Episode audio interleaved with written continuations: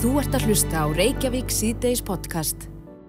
Jæja, Reykjavík C-Days, við ætlum að eh, aðeins að snú okkur að málefnum KSI. Mm -hmm. Það má segja að þar logi allt stafnan á milli, svona vegna þessar nýjustu vendinga, en það sem verða er, er að formaðurinn er ekki til viðtals til að ræða mm. þessi málefni. Nei, uh, Henry Birgir, kom til sæl. Sælverið. Já, þetta er búið að vera, það er margir búin að reyna að ná í vöndu Sigurðsdóttur formann KSI en hún, hún rauf nú þögnina einhver lit í dag og sendi frá sér yfirlýsingu varandi málefni eðsmára mm -hmm. en uh, hefur ekki veitt viðtal. Hefur ekki veitt viðtal og uh, við á Íþrótildinni hefur svo sannlega verið að ná sambandi við og ég veit að aðri fjölmjölar hafa gert það líka og ég þessari yfirlýsingu það sem hún rífur loksins sögnin að kemur fram að hún get ekki verið að tjása um persónlega málefni eðsmára gott og blessað en uh, það er fullt af öðrum spurningum sem snúa að þessu máli sem að e, þarf að spyrja hana að og e, það fyrir ekki að lélægt að ætla bara að fara í felur, þetta er svona fyrsta svona fyrsta stóra máli sem að kemur upp hjá henni, tækja fyrir þess að stíga fram fyrir sköldu, sína leiðtóahefni og hvað í henni býr en hún fyrir í felur, ég verða við ekki að e, ég er hefur orðið fyrir miklu vonbyrju með þetta, mm. hann skulle ekki bara fronta þetta mál og, og taka á því. Hvað vitum við um þetta mál?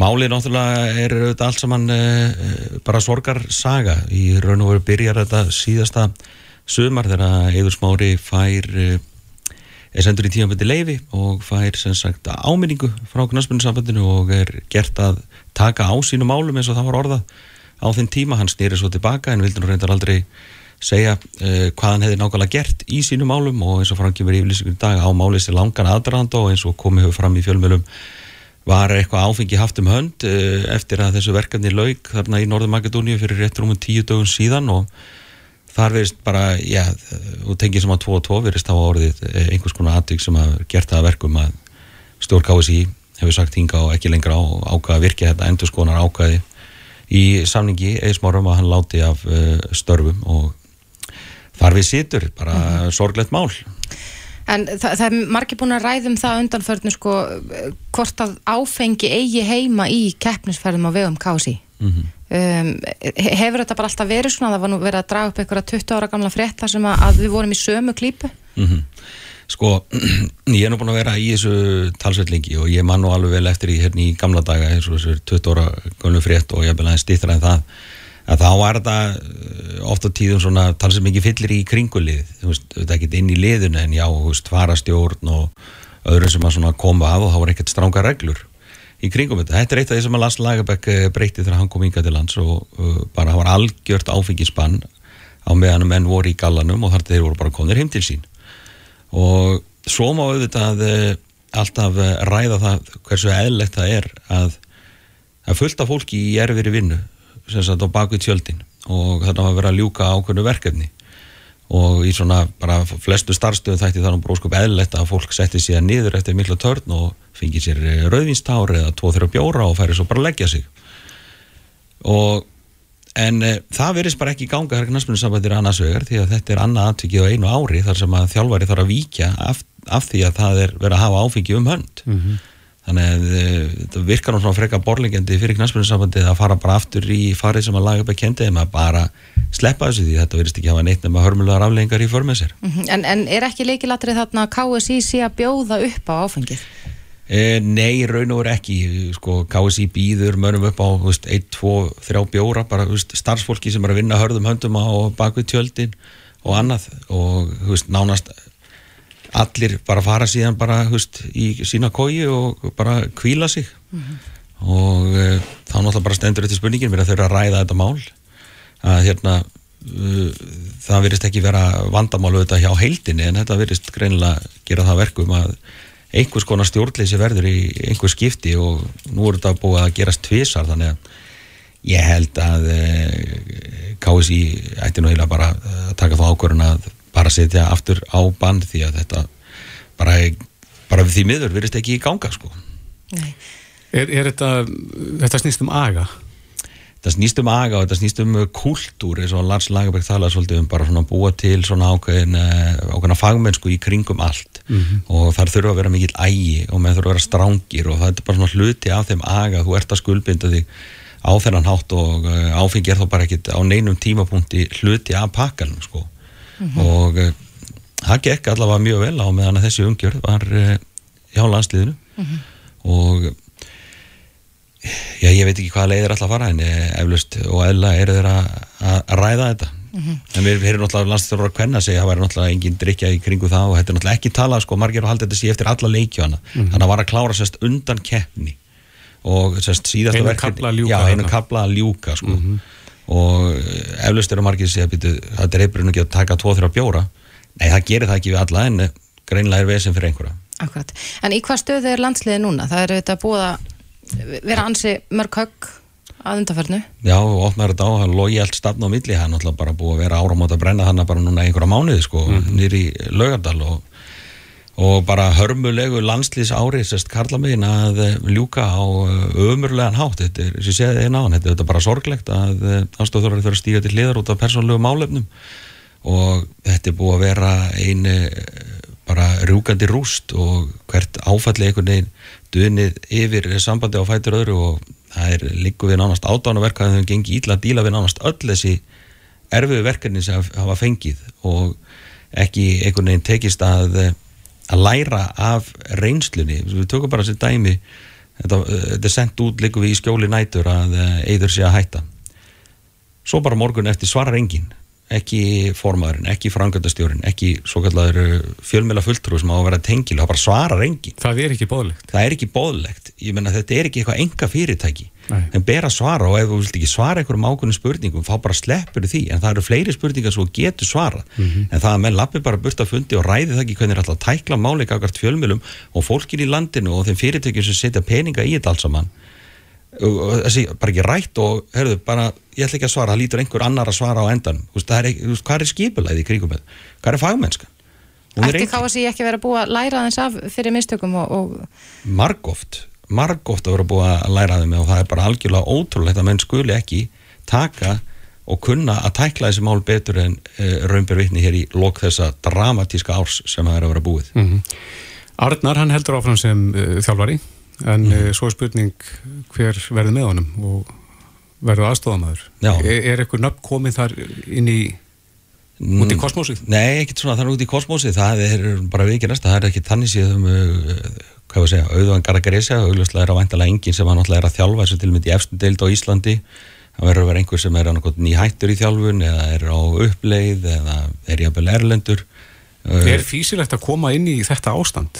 Bara, Eh, við byrjum þar. Já, ég meina sko eins erfitt að þetta búið að vera þá er ákveðin endur nýjum að eiga sér stað og menn munum komast í gegnum og er að komast í gegnum erfiðasta skablin í þessu og það er fullt af ungu drengi búin að fá tækifæri og við erum bara í algjöru uppbyggingu físilegt segiru eina leiðin er í raun og fyrir bara upp eins og staðan er akkurat núna og fyrir metnaða fulla þjálfóranna lítur það að vera bara mjög krefjandi og skemmtilega áskorun að reyna að lifta þessu lið upp og búa til nýtt lið.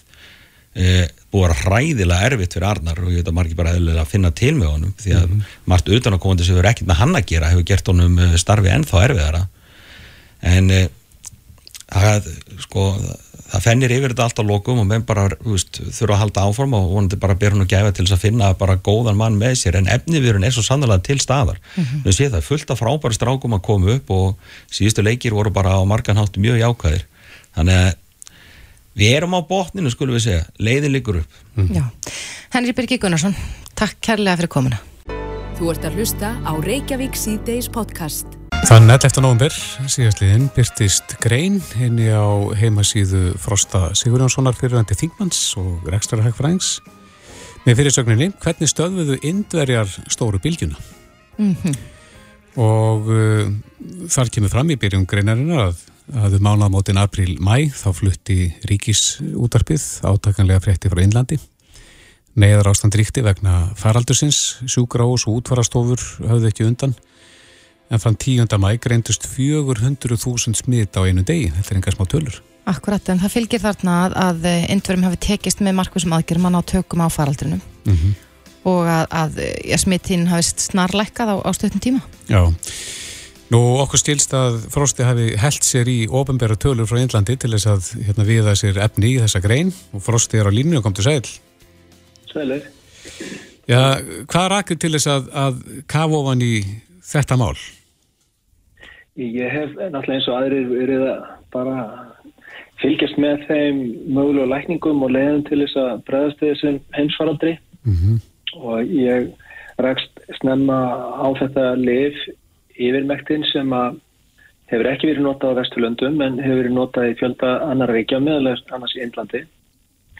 Og svo þegar þessi gríðarlega smittbylgja gengur hérna yfir í Indlandi þá náttúrulega fylgist maður með þeim fréttum og það verður hróðarlegar e, og svo vakti bara undrum mín á förðu að núna í, ég var bara með þess að gáði það í dag sko, að í sumu fylgjum Indlands sem eru kannski 140 miljón manna fylgi eins og Uttar Pradesh eru eins og þetta eru nokkur 24 fylgi, nei 29 fylgi í Índlandi eitt af stærstu fylgjunum Uttar Pradesh það eru 140 íbúar 140 miljón íbúa 400 sinnum fleiri en Íslandingar það er greintist í gæri nýju smitt en hér 150 ok, hvað eru þeir að gera hugsa ég, hvað eru þeir að gera öðru sem við?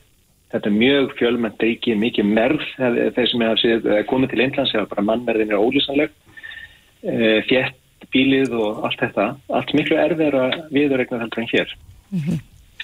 það verður vissilega og ég fór að skoða þetta og það verður erfitt að finna með þetta upplýsingar en sem betur fyrir eru upplýsingar á vefsíðum eh, stjórnvalda í Índlandi allar á ennsku þannig að maður getur séð skjölinn og tilmælinn sem koma frá stjórnvaldum beint og rækið sér í gegnum það.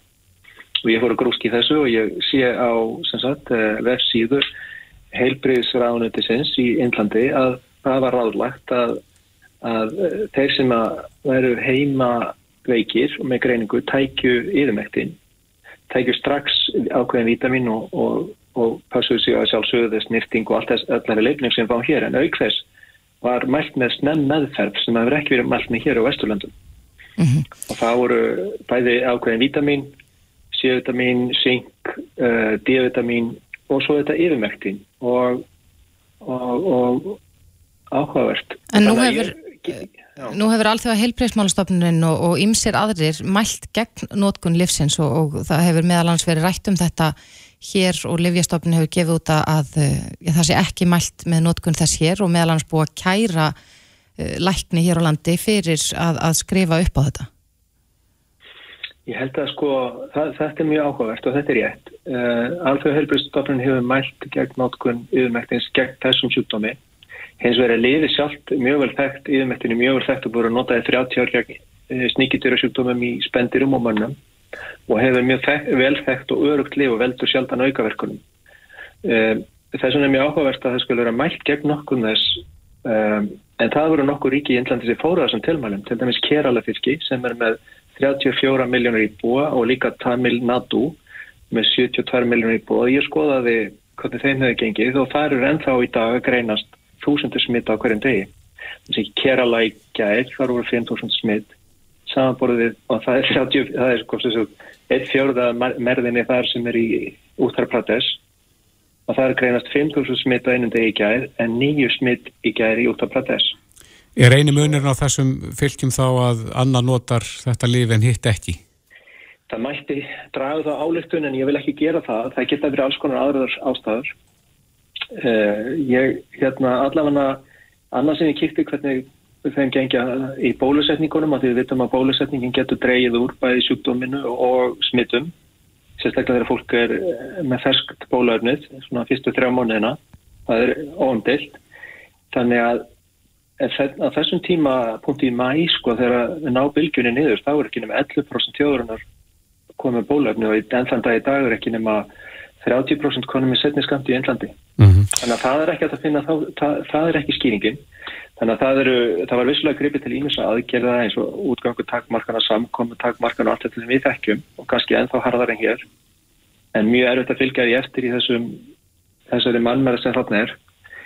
Uh, grímu skilda og annars líkt náttúrulega tekinn upp og, og en það sem að kersi úr það, það er að þau lönd sem hafa notað þetta og það er ekki bara England, svo fyrir maður að skoða fleiri eins og þess Mexico City þar náðu menn þessu niður með yfirmektin og læknar sem hafa verið að nota þetta lif gerir stjúklingu það snemma. Þeir, segja það sé alveg greinast að þetta virki. Og þá er líka líka fyrir núna rannsóknir og ég fór að skoða það líka. Það eru núna komnar 67 rannsóknir á virkni yfirmektin gegn þessari veru. Og sem forvöld það gegn smitti þá er 85% minni líkur á smitti á þeim sem taka eina viku og þeir sem að taka töfluna strax við smitt eru 67% óleiklega til að fara á spítala og þeir sem fá þetta sendin á spítala með farveikir þeir eru 38% líkleri til þess að, að lifa af. En, en e, Frosti, þessi sko menna var stifst í, í tvær fylgningar í þessu máli þeir sem eru rauninni anstæðingar bóluefna, þeir tala svolítið fyrir þessu lífi. Af hverju heldur að, að, að þessi, þetta kristallir svona? Ég veit það ekki, ég held að þetta sé óskild mál sko. Ég held að bólefni, það er mjög gott að hafa bólefni eh, og þá örug og góð bólefni skipta miklu máli sem forvörð. En það útilokkar ekki það að við hjálpum þeim sem eru ofnist að síkjast. Við tala ekki um þá sem eru líka bólusettir og síkjast líka að veðist vera. Þannig að það er mjög mikilvægt að geta veitt snemma meðhandlun við veirusjúkdómum almennt mm -hmm. og það hefur svona í læknisvæðinu verið viðtíkinn venja. Þar til að þessi sjúkdómu kom þá ákvaða Vesturlund að veita engar meðferðir og, út, og bara hafna öllum þeim livjum sem voru að sína eitthvað nárangur. Og ég fara að velta í fyrir mér akkur til það sé. Það er ekki bara yfirmættin sem er að skila árangri, það er hérna fullt af öðrum, uh, öðrum livjum og efnum sem eru liv sem eru vel þekkt og notið við öðrum sjúkdómum íns bætefni, það er þess að vera sínt fram á þeir sem er með mikið af D-vitamíni á, yfir ákveðinu magni í blóðinu að þeir bara koma miklu betur út úr þessum veikindum en aðrir. Mm -hmm. Samt hefur ekki verið lögsöstu gáðarsla á það í Vestalundum að, að mæla magn D-vitamíns í blóðu fólks eða koma því upp í þetta lagmark. Við sjáum að það herja flensurnar og veturna og það er þegar D-vitamíni minkar í blóði fólks.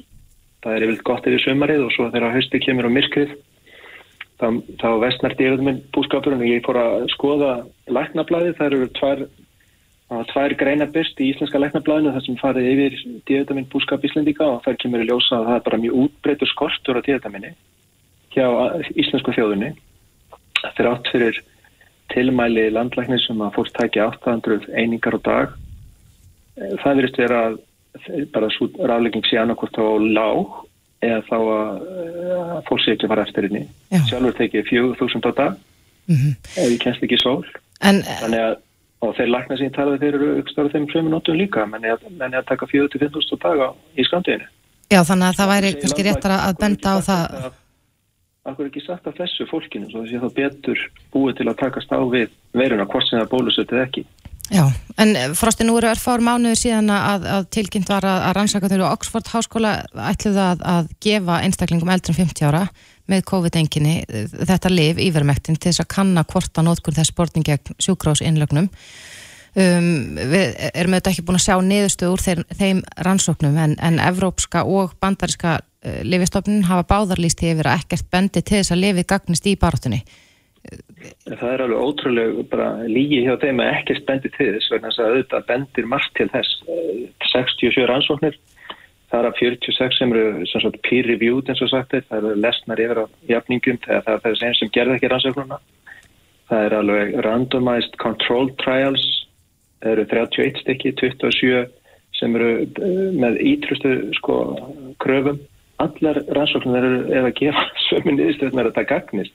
En, en vísinda samfélagið á Vesturlundu virðist vera, virðist vera svolítið samstíka í því að, að, að berja stjækt þessu. Hvað heldur að valdi því þá? Heldur að menn sé að halda viljandi lifi frá sem að geti bjarga lífum? Ég, ég trúi því nú ekki, ég held að, ég held að sinu, og það er maður vel finna lækna á Vesturlundum í bandarækjunum annar staðar sem er að beita þessu lifi og alveg híklust. En eh, Leifjastofnun Evrópasambassins og Leifjastofnun Bandaríkjana uh, slær taktinn fyrir Leifjastofnunir síðan ríkjana í Bandaríkjunum og Andaríkja Evrópasambassins og þessar stofnunir hafa einhverjum ástöðum tekið þessa línu og svo fylgja hinnar stofnunir eftir og lækna sem eru að praktisera eh, og, og skrifa upp á lif, þeir fara eftir þessum tilmælum almennt og eru mettaður og þjálfæri því það er ekki vinsalt að eða það er svona áhættu sem fyrir lækni að fara að taka einhverja aðra beigir e, og það er erfitt að ganga gegn tilmælinn þessar að stopna það. Ég skil það vel. En svona að hafa svona verið e, og ég fór að velta þessu fyrir mér hvað þyrti til þess að yfirmettin fengi viðurkenningu þessara stopnana og það er þá mjög stór og dýra ansók sem tekur langar tíma, kannski eitt eða tvö ár. E, þúsundir sjúklinga um, kostnæðarins líka ansók leipur á hundruð miljóna en það er engin hagnaður af þessu lifi vegna þess að það er svo ódýrt. Yfirmettinni búið að fætti í 30 ár og enga lifið löngu útrunir sem að merk átti. Þannig að ef að til dæmis einhvert einhvert vel stöndugt uh, lififyrirtæki hefði haft enga lifa svo lifi þá er löngu búið að koma í gegn hjá þessum stofnunum. Það er Það geta bara hleyft í gegn molekúlum og livjum sem eru með enga lifi og geta skapað arð fyrir þann sem leggur út í rannsóknunar. Mm -hmm. Og þá segja af öllum þeim molekúlum og lifin sem eru til í heiminum, þá býðst okkur núna bara í baróttunni þau lif sem geta skapað hagnað fyrir lifefyrirtæki og ég held að þetta sé galli á kerfinu. Ég held að kerfi verður að vera þannig að við getum tekið allt það sem hjálpar og veldur ekki skada og innlega það í baróttunni við hennar faraldur. Erstu samála því að það sé grunnskilir þegar það liggi að bæti vísendilega rannsóknir sem að stiði þá við að þetta gagnist? Það hefur komið fram hjá hú að þeir telja það rannsóknir sem núna líka þegar fyrir 67 talsins og það er á 31 einn rannsók sem er mjög vanduð sé ekki næla öflugar til þess að sannfara hú um að lifi sé uh, hafi gagd sem mikið ekkert þessu sjúkdómi. Hú heldur ekki fram að lifi sé skadlegt og þess að lifi bæði ódýrst og veldur ekki nýjum aukaverkunum. Mm -hmm. Þannig að læknar hér á Íslandi þeir, þeir mættu til dæmis ávísa því uh, og ég veit að frá því ágúst hefur verið hér á markaði yfirmektin, þetta er mjög dýrst en, en uh, sjúklingar geta fengið það og, og upp á skrifa frá læknum á, á þess að leifja stofnum stoppi það á nokkur nátt. Af hverju er það dýrar hér en annars það, veistu það? Það er bara vegna þess að sá aðli sem að flyttur einn til landsins, flyttur einn frá uh, framlegenda eða, eða aðila í Skandinavíu sem er sóttu markaslegið í Skandinavíu og meðal hans hér og uh, leggur bara þúsund þúsundfalt hún á verðið. Það er þúsundsunni dýraði hér heldur en í Íllandi. Mm -hmm. En heldur að þessi rannsók sem að Oxford Háskóli er að gera uh, þarna muni gagnast? Bæti ykkur við. Já. Ég vona, vona að, sko, ef hún er rétt framkvæmt, þannig að fólkið sem að færi lifið færi það tímalega en ekki of seint. Það er, aðalatrið að fólk fáið lifið strax við greiningu. En þegar ert að gera svona rannsóknir, þá er hættan svo að það tekir langa tíma frá því að þú greinist að þú tegur innrýttast í rannsóknuna 70 setna og er lengur búin að það er verið lengur búin að valda því tjónu sem hún ætlar að valda þér. Þetta lif virkar þú ferðar strax. Já. Það er volið erfitt að eiga við það í þungum og, og þunglamalegum rannsóknum uh, og ég veit það að þeir lækna sem beita því og hafa beitið í bandaríkunum þeir segja bara við sjáum bara munna fólkinu strax. Já. Við sjáum, við sjáum og býðum spennt eftir niðurstöðun úr þessari rannsók sem við vorum að tala um en Frosti Sigur Jónsson, fyrirverandi þingmaður, rækstararhæðfæraðingur, kæra þakki fyrir þetta. Takk, takk. Bæ. Þetta er Reykjavík C-Days podcast. Við örkum áfram hér í Reykjavík C-Days. Það barust fréttir af því hér í upphafi nógumbermánar að aðgerðum á tungu höftum hefur fjölgað svo mikið að ennbætti landlæknis ætlar að skoða ástæður þess. Mm -hmm og koma með eitthvað svona klíniskar leiðbenningar skilst mér um, um þessar aðgerðir. En eftir að þessar frétti bárust þá heyrðu við nú í, í konu sem er bæði læknir og, og móðir barn sem hafði farið í slíka aðgerð hún kom af, af stað undirskriftalista. Mm -hmm. og í raun og veru kallaði eftir því að uh, læknarsamfélagi hér myndi sko fræða sig um uppfræðast um þessi mál. Einmitt að við værum pínu eftir á í, í þessari þróun. Mm -hmm. en tunguhaft setrið hefur, verið, hefur sérhæft sig í þessum aðgerðum uh, hér á landi. Og hann er komin til okkar Hallur Haldarsson, tannleiknir, kom til sæl Takk fyrir.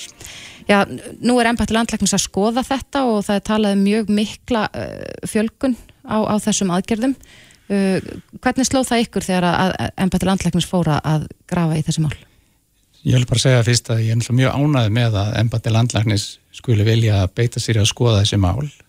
Það er bara þannig að með helbriðs eða læknavísind sem slíka þá er stöðu framþróun og síðustu 8-10 árin hafa margi læknar tekið sér saman á þvegfarlegum hópum. Ég er í tveimur svona alþjóðlegum samtökum þar sem enn hafa svona sett saman þekkingu sína og, og, og reynda að finna út hvað er oft að sem enn hafa kannski ekki fundið alveg samingja milli. Mm -hmm og var menn átt að segja því að hreyfiskenningar í munni er stundum getur verið orsak fyrir ymsum kvillum eða vandamálum hjá börnum og, og fullotnum og landrænsefandið er eftir í staðili heilbyrðis starfstjætta á Íslandi og, og hérna og ætti að skoða þetta mál.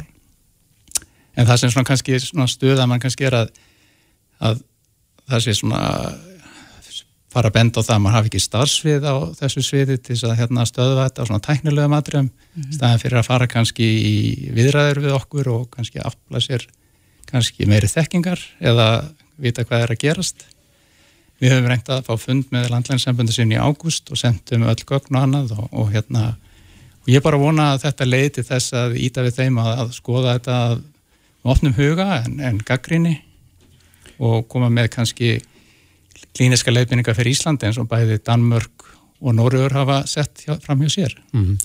Allir getur aðeins frætt okkur uh, um það hvað er, hvað er umrætt þarna, þess að tungu haft, hvaða vandamáli getur það valdið? Ja, tungu haftið er band sem er undir tungunni og þetta band svona eigðist hjá mörgum en hjá kannski cirka 10% að einstaklingum að þá eigðist þetta ekki í móðukviði og er ennþá til staðar og stundum er það alveg vel sjámanlegt og, og ástæði fyrir kannski hvort það sé að valda vandraða með ekki er reynilega hvort hvað það er stíft mm -hmm. mm -hmm. Hvena getur það byrjað að valda vandamálu hjá hver ungum börnum? Það reynilega getur byrjað eiginlega frá fæðingu að því að þú fæðist með þitt tunguhaft og það breytist ekki gegnum æfina mm -hmm. þannig að tunguhaft hjá nýburum er svona það sem náttúrulega fyrst er hjá nýburum er að þau hafa bara tvent sem þau gera, það er að anda og borða og þetta getur valdið vandraðum raunverulega í brjóstakjöf eða pelagjöf mm -hmm. Náðu það ekki að beita tungunni rétt? Nei, og það sem er svo gaman er að það er bara nýlega komið núna rannsón sem fekk byrt núna bara núna í september í bladi Erlendis sem er raunverulega skýrðir raunverulega betur út hvernig brjóstakjöf eða tungan virkar í brjóstakjöf Þetta er ekki þannig eins og vera mjölka belju mm -hmm. Þetta er eiginlega þannig að miðlutin að tungunni þrýstir gerurstunu upp í góminn og myndar svona, svona lofttæmi og þá flæðir mjölkin áfram. Þannig að þegar maður var að stela bensíni og sjú upp í rör. Mm -hmm. og síðan tekur tungan og hreyfir það aftur í, í kokið. En hjá börnum sem eru með tunguhaft sem er þá eru með aftara tunguhaft eða dýpura tunguhaftið þá nærða það ekki að mynda þetta lók afgerurstinu upp í gómin og þá verður öll bróstakjöf og pelagjöf algjör málamiðlun. Og það verður að reyna að finna út úr því með alls konar stellingum eða alls konar tilfæringum og gengum ísaflega til, til þess að laga þetta þá er klift á þetta haftið það ekki? Jú, það er farið í það að, að þérna, það þarf að eiginlega skoða sko, það sem kannski líka hefur verið aldrei miskilingi svona hérna til er að, að menn hafa séð tunguhaft kannski á fæðingadeildinni og þá klippa menn það bara að þeir sjá það. En þetta snýst ekki um hvað þú sérð.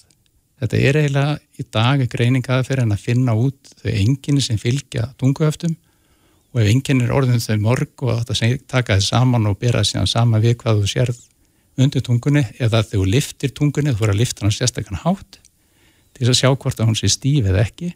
Og þetta aftara tunguhatt eða dýbra tunguhatt það er umlega ekki aft sjáanlegt með að reyfa að lifta tungun á guðin hátt. Og þá er farið og klift á það.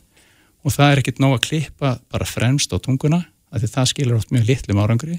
Þú þarfst að klippa raunverulega allt bandið í sundur og þetta kallaði full losun og innan vöðunum til að segja meiri líku til þess að skila árangri. Mm -hmm. Og það hafa fjölmargir foreldra stíið fram eh, svona í kjölfarið allir þessari umræðu og, og talað um, um að þetta hafi bara reynilega gjörbilt lífi barnaðira að hafa farið í slíkar aðgerða, það er bara eignist nánast nýtt barn eftir aðgerðina. Er, er það þín tilfinning fyrir þessu líka? Já, það er það og við höfum það þannig að við byggum til að alþjóðlega fyrir með eins svona spurningakerfi eða greiningakerfi á íslensku á, sem við notum. Og fóraldrar þurfa að fara í gegnum mikið spurningar og, og greiningaferli. Og síðan ef við gerum aðgerð, við gerum ekki aðgerð nema svona rúmulega helming á börnum sem komum til okkar þó að öll sé að koma út af vandræðum. Og síðan eftir viku þá tökum við þau aftur og þá þurfum við að svara öðru spurningarblæði um það hvað þau breyst.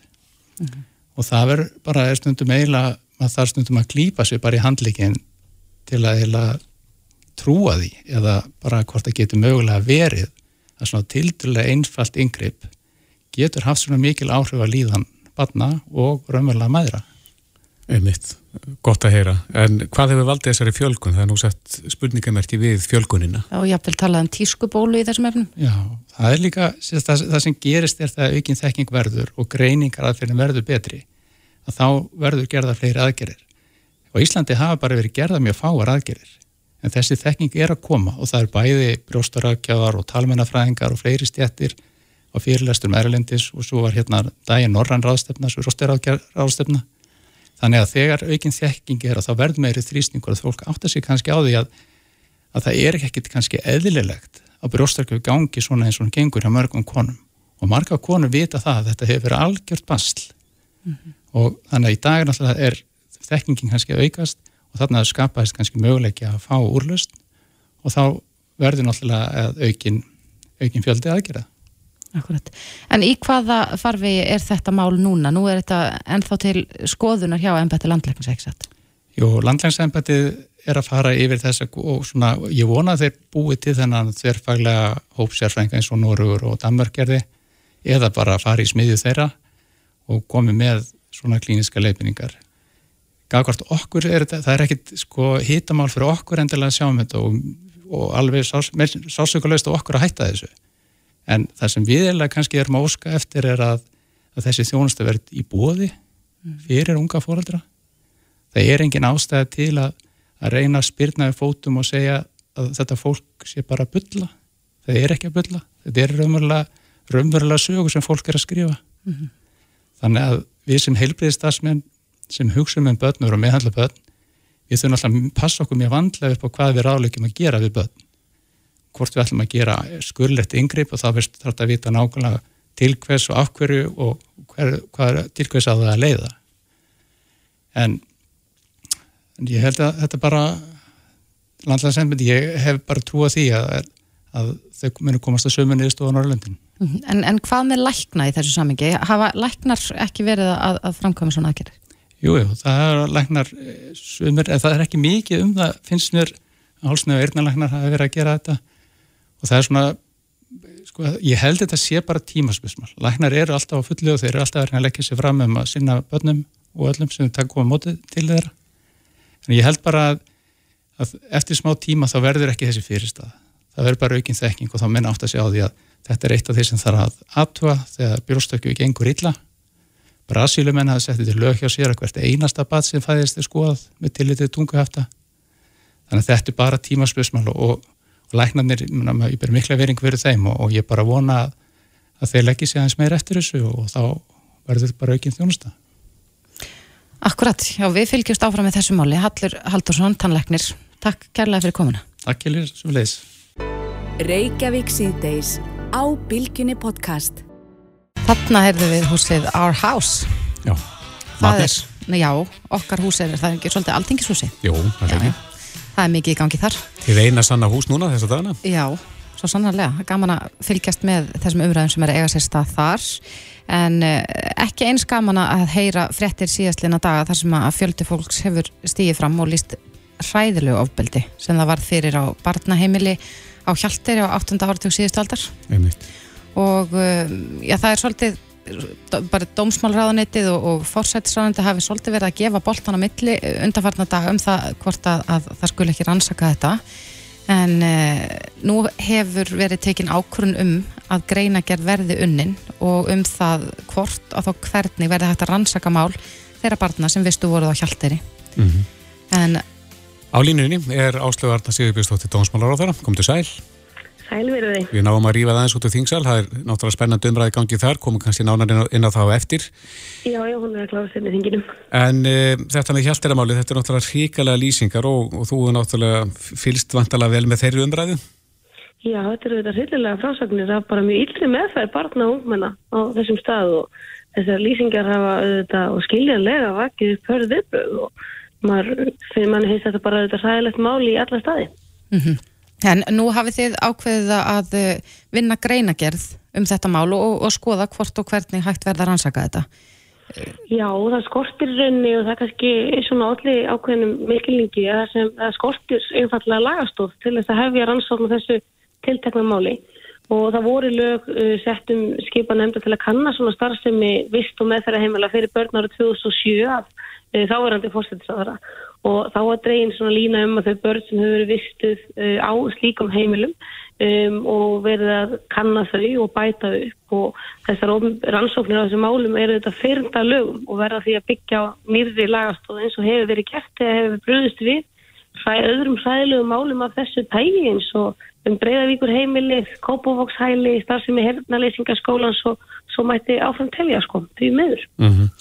En þeir byrjiðu nú reyndar á því að vísa, ráðunetin að vísa hvert á annað. Er, er ekki bara, liggur hann ekki ljós fyrir ferillin sem að svona mála að fara í?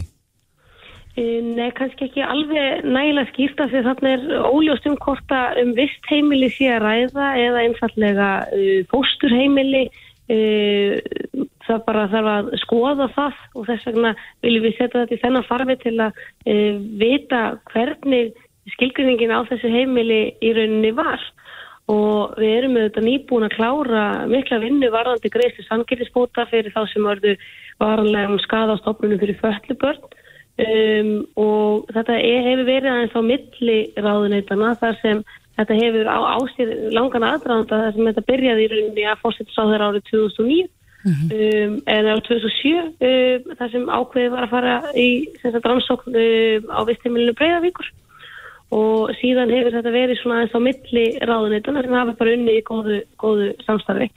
En varðandi þær sanginsbætunar og bætur fyrir þólenda afbróta þá hefur það undir dósmálráðunitu en hérna eru þetta fyrnd bróta ræða. En það eru þetta ríkir engin ágreiningur innan ríkstjóðnum að taka málum af þessu tægi Akkurat. og við þurfum að finna út hvernig við getum svarað þessu ákalli þar sem þetta er í rauninni talsvert nýtt mál sem kemur upp það var kannski stuttlega fallað um Hjaltir í, í nefndum Breiðavík og Hjaltir var nefnd á nafn svona án þess að, uh, að það var sérstaklega til tekið kannski uh, hvað þarna gekk á eins og við höfum heist núna mm -hmm. En þetta hefur auglustlega leið þungt á þeim sem að þarna dvöldu, þeim börnum sem að voru þarna á þessum árum og uh, einn af þeim sagði nú í, í fréttaukanum hér á stöðu 2 að uh, hann hefði reynda að vekja aðtikla á þessu máli í 10-15 ár þannig að beðin orðin ansilung hversu langan tíma tekur að eins og fyrir ráðuneytin að vinna þessa greinagerð og svo sjá hvað gert verður í framhaldinu? Við munum auðvitað reyna að flýta þeirri vinnu og það eru auðvitað miður að heyra að fólk hafi reynt og rekist á veggi í kerfinu. Um, lögin sem til voru um hérna vistheimili að þau uh, það var ekki heimild í þeim til að kanna aðstæðar á enga heimilum fólks þar sem börn voru vistu og það er spurning hvort að heldur í fall í einhvern nýjan flokk uh, sem hefur ekki verið bröðist við áður. Þannig að þetta eru þetta gæti verið starra verkefni en einungis varðandi uh, bara uh, þetta uh, tiltekna mál. Mm -hmm. en við þurfum auðvitað bara að gefa okkur tími það til að gæta jafnbræðis af þeim sem hafa Eh, orði fyrir skaða og ofbeldi eh, í æsku. Og vilji okkar stendur auðvitað til að rétta hlut þeirra sem hafa verið beittir markáttuði ofbeldi um, en það þarf auðvitað að gerast með samgjörnum hætti og að jafnbræði sér líka uh, gætt. Já, en þetta er enn eitt máli sem kemur upp og uh, sem að fær maður til að hugsa af hverju er þetta svona ofbóslega aldingt og, og er þetta er, er verið að tryggja það að svona hluti geta ekki á sér stað í dag? Ég held og, og bind mikla vonu við það að það hefur mjög margt gerst bara á undanfarnum örfám árum. Þetta sínur þetta eins og þú segir en einu sinni hvað dæmi um ílan aðbúna barna eru samt nálega okkur í tíma.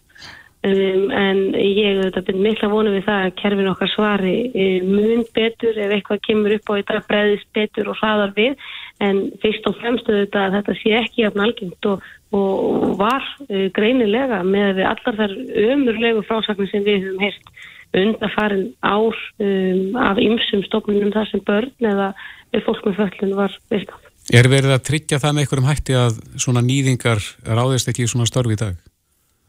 Já, það eru þetta ímislög og hérna reglur sem hafa verið settar um uh, störf með börnum þannig að það ætti að, að vera hægt að koma í, í fyrir það í dag, já. Já, ég veit ekki, varstu búin að svara spurningunni hvað, hvernar þetta fólk má búast við niðurstöðu?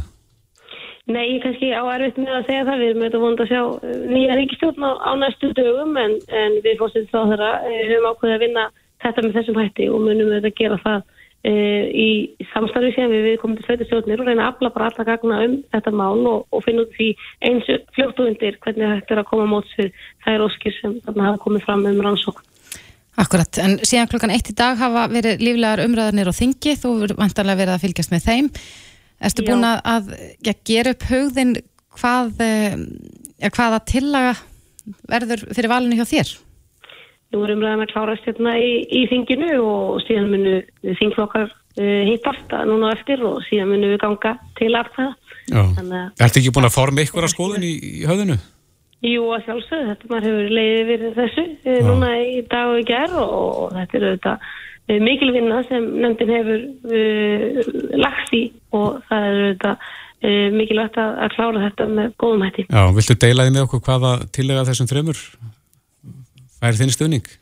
Já, ég mun stuðja tilugu formans uh, nefndarinnar, Birgir Salmarssonar. Það staðfesta öll 63 kjörbrifin. Já, Já, Áslögu Arna Sigurbjörnsdóttir, dómsmálur á þeirra. Takk kærlega fyrir þetta. takk fyrir stjórnlega. Á Bilginni podcast.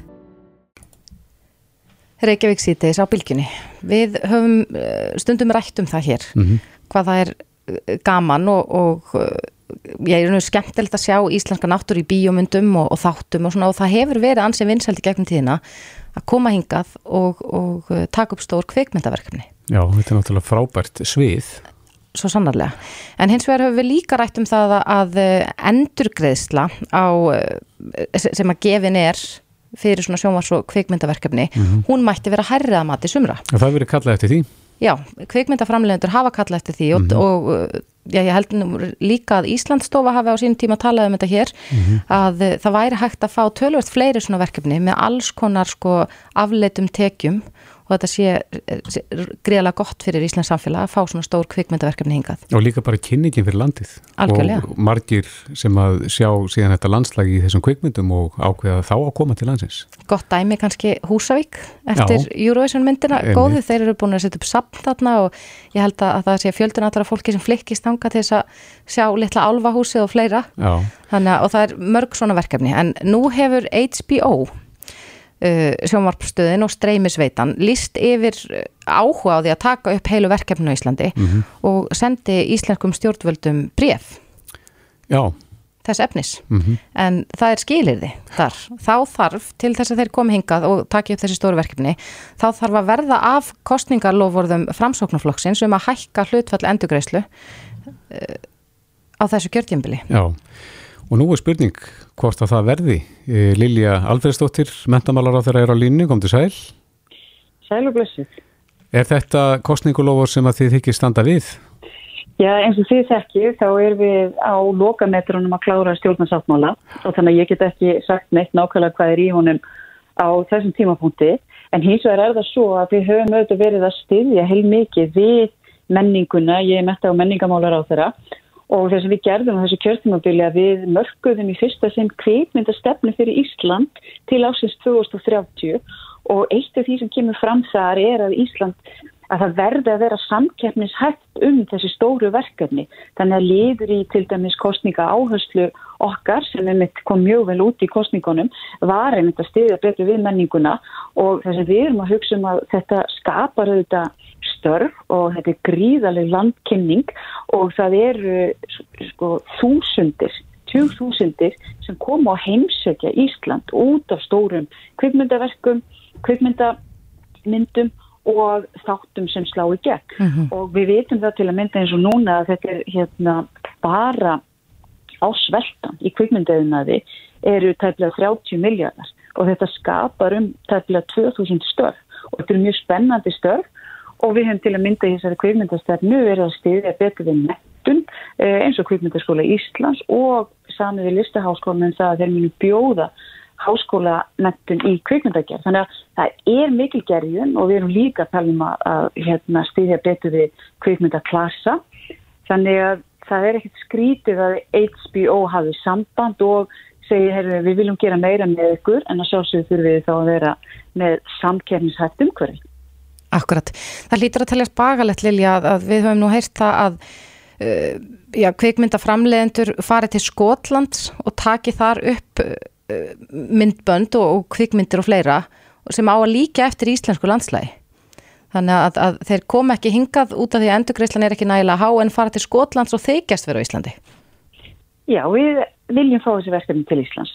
Og að því að við erum líka með svo uh, fólki sem vinnur í eðnaðanum hér þetta er fagfólk og það er, það er umsagt talað í geirónum veitir hvað það gengur vel einmitt að taka upp verkefni og hvað fólkið okkar eru upplugt og þess vegna til ég að við eigum að vera með, með samkemsatt umhverfi vegna þess að afleitu áhrifin eru svo mikil og þannig að nú bara, eins og ég segi, ég get ekki, ég vilti ekki að þið sagt okkur hvað, hvað stendur í stjórnarsáttmálunum en þetta er eh, atriði sem við í framsóknumflokknum leggjum mm. en miklu áherslu á og hefum gert í mjög langan tíma. Já, en það er svolítið magnað að HBO hafi kynnt sér kostningólofur framsóknumflokksins en út af hvað gengur það og ferðaðins yfir það með okkur? Já, það var til að mynda að hækka eh, endurgæðislu hlutfallið og gera það svona gefnis hægt og við höfum verið í miklu samtali við kvikmynda innan á Íslandi. Já, hvað er það í dag og uppi hvað viljið þið hækka það? Já, þetta, semst í dag er þetta 25% og spurningin hefur verið að hækka upp í 30-35% en það eru þetta alltaf mjög mikilvægt að við þurfum alltaf að vera með það svona á hreinu hvar skurðpunkturinn er. Það er að segja að við viljum heldur ekki reyða of mikið með einni atvinnugrein. En hinga til hafa þær greiningar sem við höfum séð það er hafa sínt fram á það að það eru mjög jákvæð afleit áhrif ekki bara fyrir þennan yðna heldur fyrir ferðarþjónustuna og fyrir raun og veru bara Ísland meðal annars vegna þess að við þekkjum að náttúran er einstök og það er sagt að aðstæður líka og svo fagmennskar sem ríkir sé mikið aðbrottarafl. Mm -hmm. Ég, ég, eins og ég segi, þetta er bara, þetta er mjög, mjög skemmtilegt líka að hann, J. Rowe sem hafði samband, að hann er einn af þeim sem um, ber ábyrða einum af mínum uppáhaldstáttum sem er hérna Curb Enthusiasm mm -hmm. með Larry David, ég veit ekki hvort að þið horfið á jú, það, jú. en það eru svona algjörðu ruggstættir og hafði það mjög mikið timmi þannig að ég hefði sérstaklega gaman að þessu, svo ég segi það bara hér. Akkurat, en það stýttist nú í að, að, að vonandi stýttist í það að við fáum að sjá stjórnar sáttmálan Er minnst á þetta þar? Eins og ég segi þetta er, það, hann er algjört eh, hernaða lendamál þar til að, hérna, að hann verður kynntur. En við erum að sjálfsögðu fjallu hérna, mikið um menninguna og, og þessi flokkar allir þrýs hafa lagt áherslu á það. Og, og ég bara vil nefna það að við tókum upp svona endurgröðstu kerfi varandi bókaútgáðu og eitt af því sem við gerst frá því við settum það og laginnar er 36% aukning í útgáðu íslenskra bóka og þetta er algjört grundvallar atriði að við náum þessu og þetta við tekist að því að það er grunnur naða fyrir krumsköpun talandum kvikmyndir að margar á okkar bestu kvikmyndum þær, þær, þær, þær hefjast ofta góðri bók til að mynda, ég nefni bara mýrina eftir Arnald og fleira, þannig að það er svo mikilvægt að við styðjum vel við menninguna og við fáum það alveg margkvælt tilbaka. Mm. Styðja við alla kæðjuna? Já. Já. Við getum ekki sleftir að nefna þess, uh, þú ert nýra á þingi núna, við rétt náðum þér út úr þingsal það sem, er, það sem er verið að taka afstöðu til uh, hérna kjörbreyfana Er þú búin að gera upp þinn hug? Hvaða þetta eru þrjár tilugur sem að litja fyrir þinginu? Það er að kjósa Já, aftur í kjördæminu, kjósa aftur á öllu landinu og nú eða láta aðra talningu standa. Hvar, hvar likur þín, þitt allkvæði? Ég er svona, við erum svona á, ég er svona að loka metrónum að móta mín afstöðu við, sem ég segi, ef ég hljóp út úr þingsal, eða svolítið mikilvægt að, að hlusta á eitthvað rökin og fari við nefndar álitin og, og það kemur svona ljós hvernig við greiðum aðkvæði þegar umræðin er búin. Ertu búin að, ertu búin að mynda skoðun eitthvað leiti? Já, það sem ég finnst, þetta mestumáli skipta er líklegt að þeir annmarkar hafi haft áhrif á niðurstöðu kostninga.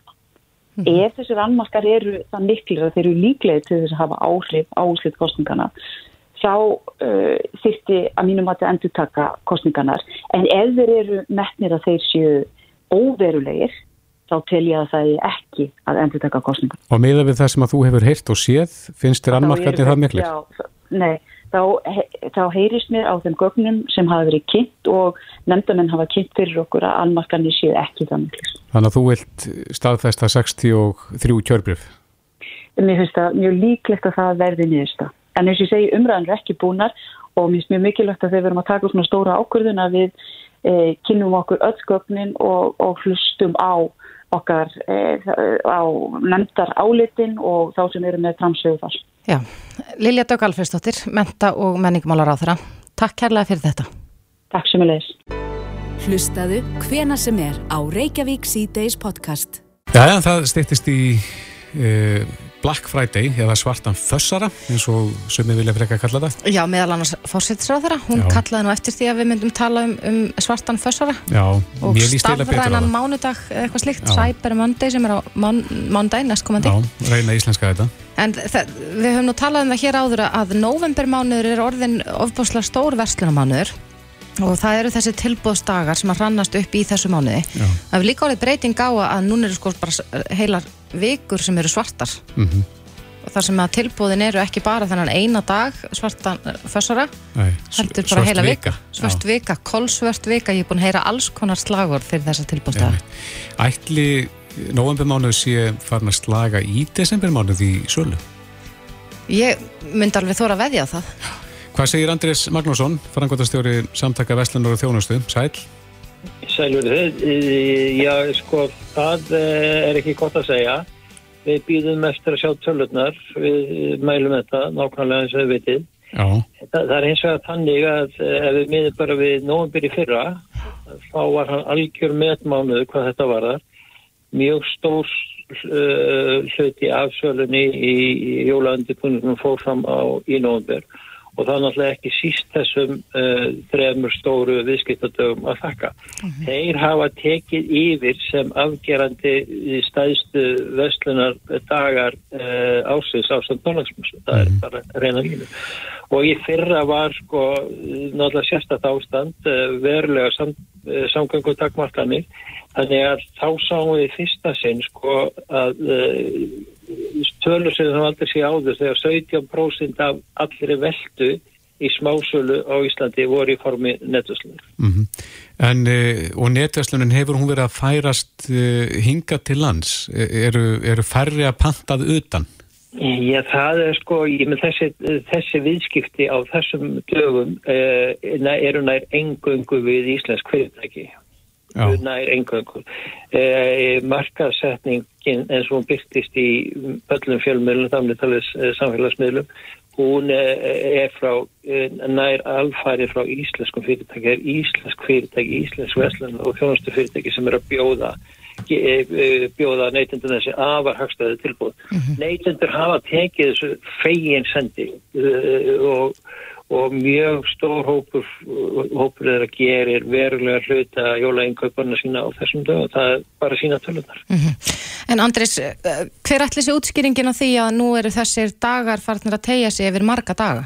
Já, það er sko svo bara e, marga skýringar því, það er svona bara e, í ljósi þess hvað þetta er, e, þess er vel tekið af neytendum, neytendur stóla beinliðis á þessa daga og svo verður líka nefna það að álagið á greiðslumiluna kerfin á, á þessum dögum er gífurleg. Eh, á, á Stingulstein núna fyrir hálfum mánuðið eða svo sem er kliftarskori bara 24 tímar þá hrundu kerfin. Ráða þau ekki við þetta? Já, það uh, virtist ekki vera þá og það er náttúrulega svakalega alvarlegt þegar greiðslumillina kerfin uh, uh, uh, bresta undan álægin og svona dögum. að Það við- leitað skýringa? við leita skýringan ekki formlegra en svona því hefur lofað að þetta eigi ekki geta gerst aftur en svo sem yngra formlegra skýringa það er, það er mikið, mikið betur þegar leitið þeirra sko. Það var mikið talað um það, eh, hún uh, veitti viðtal, hún Brynja Dan sem að heldur utan um síðuna 11.11.is og hún talaði um að það hefði reynilega allt hrunið hjá bæði Rapid og Valitor þarna á Singulstay, Já. 11. november. Eh, Hafið þið fengið einhver viðbröð eða, eða eh, svona einhver upplýsingar um það hvort það sé verið að, að reyna að vinna bug á þessu sem að veldur áleginu eða Já, meina, að það- það þóli það? Það, það, er fullist af þessum aðilum að, að þetta muni ekkert endur taka sig. En þannig að í ljósi reynslunar þá eru náttúrulega uh, margir með krosslaða fingur og býð og sjá að þetta er gífurlegt álag á þessum kerfum, á þessum tögum. Viðskiptin eru svo uh, hérna svakalega mikil. Einmitt. En Andris... Uh, þetta er bara eitthvað sem við erum að býða og sjá og, og, og reyna bara vona að þetta gangi eh, vel fyrir sig. En við höfum rættið þig áður, uh, reynda fyrir fjölmörgum árum síðan um, um þessar vestlunaferðir sem að þær voru einfallega bara auglistar, vestlunaferðir til útlanda. Mhm. Það hefur nú tölverst dreigið úr þeim eða ekki? Já, ég vil meina það, ég meina alveg klárlega og, og ég vil meina það að, að hvað íslenski nettindu taka þessum dögum vel þeir, það við verulega dreigið úr áhuga og eftirspurn eftir því að fara í vesl, svo kallar vestlunafæri til útlanda. Uh, ég meina þau bara sjáu það og það er uh, hérna uh, það er ekki en námda næri eins mikið auglist að fólku ferða aðila þar sem er verið að reyna að lokka neytendur til þess að fara í viðskiptaferði til vestlunarferði til útlanda. En er, er íslenska vestlunin orðin samtjafnishæfar í verðum? Þetta náttúrulega skiptir, það skiptir miklu máli. Ég held að sko þessi tilbóð sem að eru náttúrulega gífurlega góð, séu það frestandi, séu það góð í raun og veru, að þau í hérna, að fólk sjáu sér ekki takið því, sjáu ekki ástæði til að fara í svo kallaða vestlunarferði til, til útlanda lengur. Nei.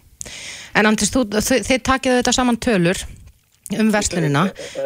Raunar rannsóknarsöktu verslunarinn að gera það, já. Akkurat, en, en hvenar megu við vænta þess að sjá tölur fyrir nóvembermánu núna til þess að bera hann saman við þannan met mánuði fyrra? Já, það er svona, yfirleitt kemur þetta svona 15 til 10. Töluna byrta svona 15 til 10. Uh, hvers mánuðar, uh, já, á eftir sko, á 15 til 10. desember þessi tilfell. Já, við erum komin svona undir lok novembermánuður, er, er desembermánuður alltaf stærsti mánuðurinn í íslenska veslun? Já, ég er alltaf aðal mánuðurinn en það sem hefur þó breyst, aðal mánuður en það sem hefur þó breyst er það að þessi tveir mánuði, november og desember, eru uh, stærri hluti viðskiptana en núna í november en var. Það er breytingin. Já. Andrés Magnússon, frangvöldastjóri samtaka Vestlunar og Þjónustu. Takk fyrir þetta. Takk, takk sem leiðis. Reykjavík síðdeis á bylginni. Góðar fréttur og slæmaréttir. Ef að byrja á góðu? Uh, já, góðu fréttirnar eru koma frá Japan, mm -hmm. að því er virðist. Já, þar eru uh, margir japanskir vísindamenn að spyrja sér þeirra spurningar hvort að deltaafbríði kórnuveruna sé búið að eigða sjálfu sér í Japan. Já, já. Þannig eru, þetta eru sérfræðingur í erðaransóknum sem segir í samtali við þarlendan miðil að deltaafbríði hafi sapnað upp of mörgum stökkbreytingum á prótini mm -hmm. og uh, já, þeir hafi ekki, að vera ná ekki að lagfæra sjálfa sig. Ég er nú ekki sérfræðingur þessum málefnum en, en þetta hljómar allavega vel ef að deltaafbríði er að eigða sjálfu sér. Já, og við erum með sérfræðing á línunni. Kári Stefánsson, sæl. Ég, sko, mér finnst þetta vera uh, með með nokkrum ólíkjendum mm -hmm. að kollega mínar í Japan skulu vera að jarðsýntja veiruna mennur ennþá spellífandi. Annars það þá eða? Eitt af því sem að gerist í þróun er það að við sem dýratjóundir mm -hmm. við svapnum að okkur stórbreytingum og að endanum þá þá er svo möguleiti fyrir henda við bara útrýmumst vegna mm -hmm. stafnbyggana. Þannig að það er ekkert út í hött að koma þetta tilgátt til að veiran kom enn til ég með því að stökkbreytar sjálfur sér út úr tilverinu. En það er engin merti þar sem hún sé að gera slíkt, það er bara þvæla. Það er nákvæmlega engin merti þess til miður. Nei. Hún er þarna ennþá kátt og glöðs og þeitist mann á milli og veldur búsífin. Mm -hmm. En hinnar fréttinnar þessar slæmu þær koma frá Botswana þar sem að menn er að tala um eitthvað enn yllvígara afbreyði af þessari veiru heldur en við þau þekkt hinga til. Ég hef ekki séð gogn sem, sem uh, hægt er að rýna í sem benda til sliks. Alltaf að sé ekki en einu sinna menn þú kannski svólt til undan sjálfum sér í að draga álíktun. Mm -hmm. Ég veit ekki hvernig við ferum að bera saman útbreysla veirunni í Botswana og, og til dæmis í Evrópu. Það sem að, það sem að ræður útbreyslu þessara veiru er ekki bara hversu smítandi hún er, heldur ræðist hún líka af hegðum manna. Þannig að vissuleiti þá er, er COVID-19 sjúkdómurinn hegðunarsjúkdómur þar sé líkunar á því að menn smittist ráðast tölvöld mikið af hegðundir þannig að ég, ég held að við erum bara að draga þetta úr standan og, og býða svolítið ég held að það sé ekkert enn sem gerir það verkum að við þurfum að rjúka upp til hand og fóta vegna enn smitt, smittnæmera aðbryði í, í Botswana. Nei. En hvernig metur núna stuðuna hér á Íslandi og það sem framöðin er? Við erum að fara að sigla inn í jólinn? Já, ég vonast til þess að, að kraftmikið áttak í, í uh, uh, að ból veita mannum þriðja skemmtinn komið til að hafa mikil áhrif á, á útbreysluna. Ég, ég, uh, ég vonast til þess að, að við förum að sjá, sjá þetta ganga nýður. Við stílst að, að einn að bísna stór hundraflutti að, að smittum sé hjá krokkum sem að hafa ekki verið bólusettir. Mm -hmm. e, mér sínist á tölum sem berast frá sjúkrafstofnunum að, að allt og stór hundraflutti þeirra sem er að lasnast núna síðu e, óbólusettir. Þannig að, að e, ég, ég vona að, að bólusetningarna sem slíkar komið til að hafa meiri hattar áhrif. Ég vona að við komist gegnum þessu jólglöð og kátt í, og uh, án og mikill áhrifa frá festinni. Mm -hmm. þess að mann geti haldið sína jólatónleika, farið í sín leikhús og komið saman heima hjá hvort öðru og, og allt og gott. Akkurat. Þú myndist aðeins á börnin, Kári, en í dag uh, samþýtti Lífastofnun Evrópu notkun bólefnis fæsir fyrir aldurshópin sem nú er óbólusettur 5-11 ára heldur að það muni breyta mikið uh, þróuninni hér innanlands? Ég held að það sljóta hafa meiri haftur áhrif af það hvernig veiran smókra sér manna á millin með því að nota sér leiðinni í gegnum börnin. Þannig ég, ég vonast þess að það hafi stór áhrif á, á uh, fjöldasmita. Já, en er þá líklegt að þau þurfa að fara sömur leið og henni fullotna þar að segja að fá þrjá skamta? Ég held að það sé mjög líklegt að, að eh, blessuð börnin sem að, að hýsa erðamengi sem að rætu sínar í okkar erðamengi sem að þau fari sömu leið. Já, akkurat. Já, en eh, svona ég sé hérna á vísipunktur að þetta er nú mest lesna fréttin í dag, hérna þessu stökkbreyta afbreyði sem er rætta frá Botswana. Þú segir að við þurfum ekki að vera nennar ágjur á þessu? Sko, ég held, ég, það sem ég er að segja er að, að ég er að segja við um engar ástöðis af áhyggja við einu en einu. Ég er óskap einfallega að segja að það er enn ekki nóg mikil gögn til að styðja þá kenningu á hún sé smítnamari. Mm -hmm. Ég, ég rekna með því að, að mennsjum með einhvers konar vísbendingar en það að örugli eftir að afla miklu miklu meiri gagna áður en að það er sannað að, að þetta afbríði sé smítnæmar en þau sem áður voru. Þið segja hérna tvær stökkbreytingar að vera að auka síkingarhæfni og auka getu aðbríðisins til að komast hjá ónæmistjörfunu. Það er, sko, það er fræðilega mögulegt eins og ég segi, ég hef ekki séð gögt sem gera það verkum að það sé hægt að gera annað en að setja þetta fram sem kenningu. Nei. Kenningu sem að, að er að einhverju leiti stöttu gögnum en er alls ekki búið að sanna. Einmitt. Kári Stefánsson, fórstjóri Íslenskar erðargreiningar, kæra þakki fyrir spjallið. Takk, takk. Þetta er Reykjavík C-Days podcast.